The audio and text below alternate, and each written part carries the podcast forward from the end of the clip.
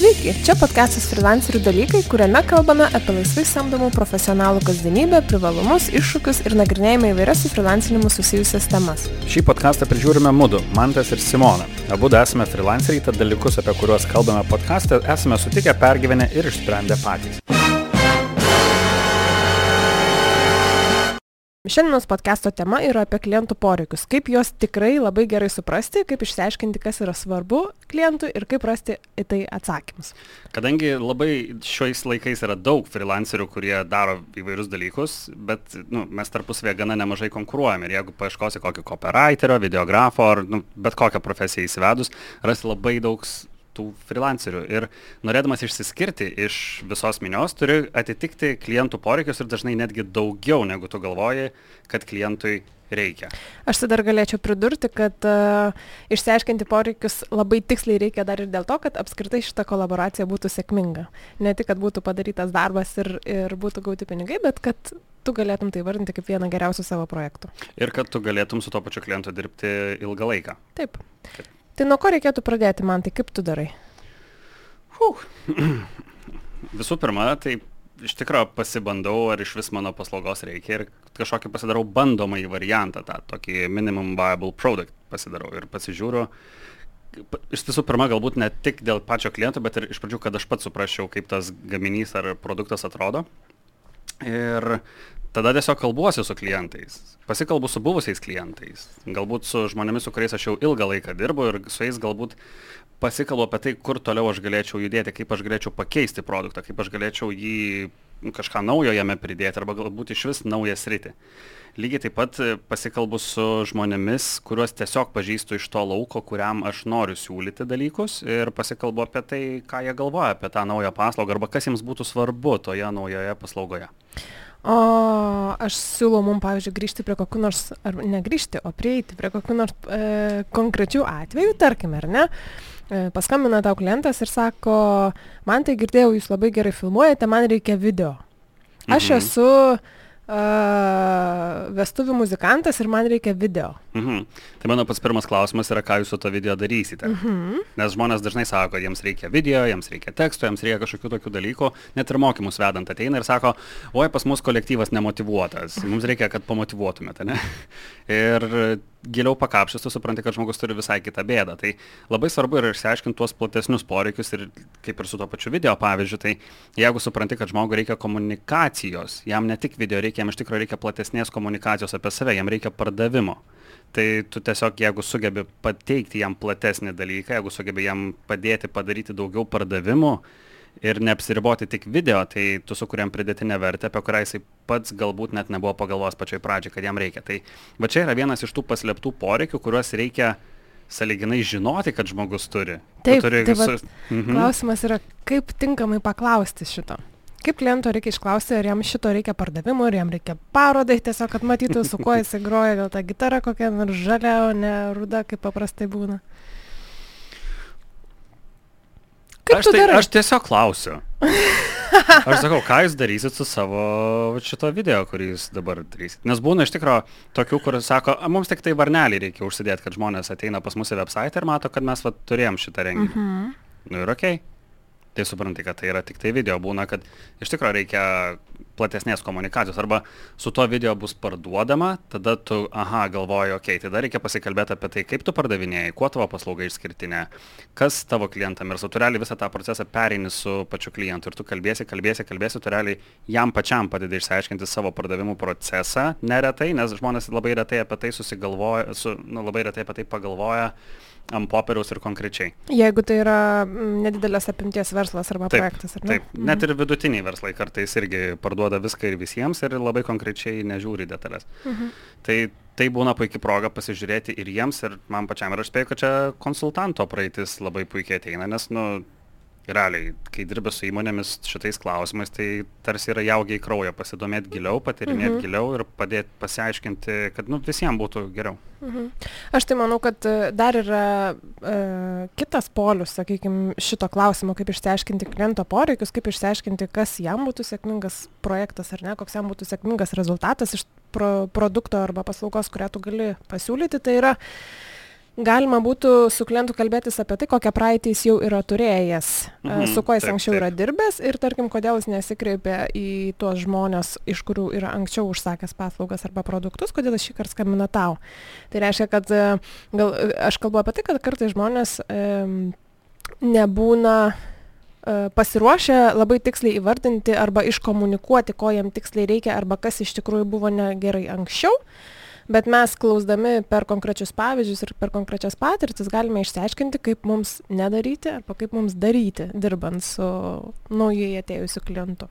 Ir iš principo yra labai svarbu šitą dalyką reguliariai daryti, kalbantis su klientu, tai yra tyrinėti, kodėl kažkas yra ne taip, kalbantis apie save. Tai yra eiti pas klientą ir klausti jo asmeniškai, žiūrėk, o ką aš ne taip darau, ką aš galėčiau padaryti kitaip. Ir šitaip sužinosi dalykus, kurie uh, klientui yra svarbus, bet galbūt jisai apie juos nekalba. Galbūt jisai sakys, žinai, pat pavyzdžiui, kartais būna, tu galvoji, aš galvoju, kad, o, atiduodu darbą kaip tik į deadline, ten kokią, žinai, tip top tą dieną, o klientas iš tikro norėtų, kad tu atiduotum porą dienų anksčiau, nes jisai tada turi skubėti, peržiūrėti, galvoti iš naujo. Bet jisai apie tai galbūt tiesiai nepasako, nes, nu, kaip ir pagal sutartį, tai viskas tvarkoj. Bet kai tu paklausi, o kaip aš galėčiau dirbti geriau, kaip darbas mudviems galėtų būti geresnis. Jisai man ir pasako, kad žinai, o galbūt būtų gerai, jeigu ir tada pasidalina savo tikraisiais skausmais, kuriuos jisai turi dirbdamas su tam. Ir tai iš tikrųjų veda į daug tvirtesnę, brandesnę partnerystę, kuri yra aš man, bent jau mano galva, labiau ilgalaikė. Arba gali būti dar kitas aspektas. E, gali paaiškėti, kad klientui reikia nuolatinio tavo įsitraukimo, jam reikia, kad tu visą laiką būtum procese ir matytum ir jaustumės komandos dalimi tame, ką tu darai. Ir e, galbūt jam, tarkim, galėjo ne tik ankstesni uh, paslaugos teikėjai arba produkto kuriejai, mm. kurie tiesiog ateidavo, šaltai sukurdavo, su nieko nebendraudavo ir palikdavo. -hmm. Galbūt jam reikėdavo tokio tiesiog trumpalaikio, bet komandos nario. Aš galvoju, iš konsultacinės pusės būdavo, kad kartais klientai, nu, man net nesinori žmonių vadinti klientais, mhm. tai yra tiesiog žmonės, su kuriais dirbam. Jie tarsi ieškodavo užtarėjų savo idėjoms. Vat, ima sugalvoja kokią inovaciją įmoniai, kad ir ta įmonė yra maža, bet, nu, sugalvoja, kad nori kažką daryti kitaip, bet niekas nepalaiko. Ir kartais, ypač per ilgalaikius projektus, tu tampi tokiu kaip ir papildomu dar suporterių rėmėjų žmogui, kad jisai nu, nesustotų ir judėtų tam savo keliui, nes nu įmonėje jisai vienas šitaip tik tai galvoja. Tai irgi gebėti pasiekti ne tik darbinį lygmenį, jungtis ne tik darbinėme lygmenyje, aš manau, yra be galo svarbu. Uh mhm. -huh. Aš atsimenu, kad e, mano viena pažįstama dirbdama su um, dabar mm, bijau pameluoti vardinamą, bet baros tai buvo uh, Britų uh, prekybos rūmai. Mm, verslo ir prekybos rūmai kažkas, nu, kažkaip ten taip. Ir jinai uh, irgi tokia turėjo patarlę ir priežodį patį savo, kad uh, visą laiką, žodžiu, santykis verslo yra kuriamas prie pintos alaus. Ir tai va šitas turėtų būt taikoma frilanceriui irgi kad e, tam kad tu išsiaiškintum kliento poreikius tau reikia ne tik formaliai pasižiūrėti į tai ko tavęs prašo bet tiesiog pabandyti sukurti santykį. Iš tikrųjų suprasti ko tenais reikia. Tai kitaip tariant reikia išeiti iš to įprasto lauko ar ne kuriame yra tik formalus darbas va čia ant stalo guli sutartis ir popieriai bet išeiti šiek tiek plačiau ir pasižiūrėti į tai galbūt asmeniškiau Ir vien tai, aš manau, gali išskirti iš didžiulės minios freelancerių, nes ne visi nori taip, mhm. taip giliai pasižiūrėti arba taip artimai pasižiūrėti. Nemažai žmonių tiesiog priima dalykus kaip darbą, po penkių, po šešių nekelia ragelio ir ko tu čia man dar skambini. Taip, ypač kalbant apie ragelius, tai vie, irgi vienas iš būdų, kaip išsiaiškinti, ko tiksliai klientui e, norisi, tai yra geriau skambinti jam dažniau, negu rečiau ir nuspręsti už jį, ar ne, ko jisai mhm. galėtų norėti. Um, neramu klientui darysis tada, jeigu deadline'as artėjo, tu jam neskambini, negu kad uh, pateikdamas opcijas, iš ko jis galėtų rinktis dabar dirbdamas su tavimi. Ir daug geriau, jeigu tu jam skambini, vat, kaip tu ir sakai, negu, negu jisai tau skambina. Ir tu šitai parodai savo proaktyvumą, aktyvumą, tai kad tu domiesi, tai kad tau projektas yra aktualus. Kad tu nesislepi, nebėgi, nes dažnai žmonės, kai tyli, tai reiškia, kad kažkas yra ne taip. Tai vien iš to, jeigu sugebi parodyti dėmesį, tu dažnai pakeiti žaidimą ir tu parodai, kad tu iš tikrųjų esi, saliginai tu perimi projektą į savo rankas, tam tikrą prasme. Taip. Tęsiant šitą mintį, dar galėčiau pridurti, kad svarbu su klientu yra kalbėtis ne tik prieš prasidedant jūsų bendradarbiavimo procesui, ne tik per jūsų darbą kartu, bet nepalikti jo ir pabaigus jau visą darbą. Tai reiškia, kad uh, feedbacką rinktis yra visada gerai, ne, grįžtamą į ryšį rinktis visada yra gerai. Ir uh, tai yra tavo paties kaip uh, laisvai samdomo profesionalo būdas dirbti geriau visus ateinančius kartus. Ir kurti irgi pasitikėjimo ryšį su klientu, kurti naujus ryšius e, apie, per patirtis, kurias klientas papasakos kitiem tavo galimiem klientam. Ir aš manau, kad šitaip galima sutaupyti labai galybę laiko knygoms ir seminarams tokiam profesiniam asmeniniam tobulėjimui. Nes šitaip sužinosi visiškai tokius insidinius dalykus, kurių nu, niekur niekas nepasakys.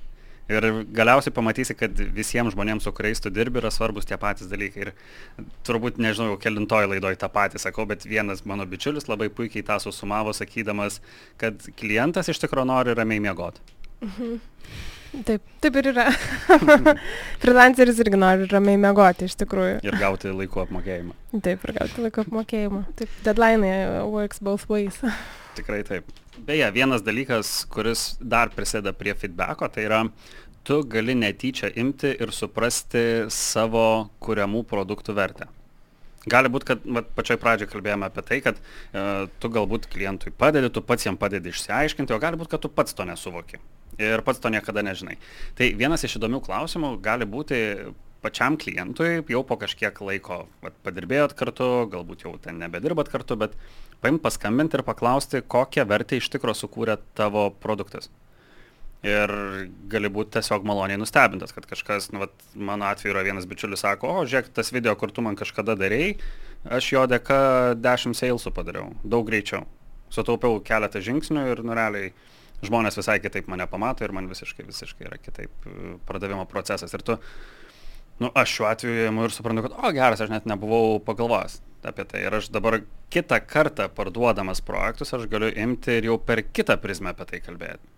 Sakyti, kad, o, žiūrėkit, jums galbūt čia ir, ir pardavimų daugiau bus. Ir galbūt netgi jau galiu ir pagrysti ir pasakyti, kaip ir kodėl. Ir galėsit sumokėti daugiau, tada man pažiūrėkit.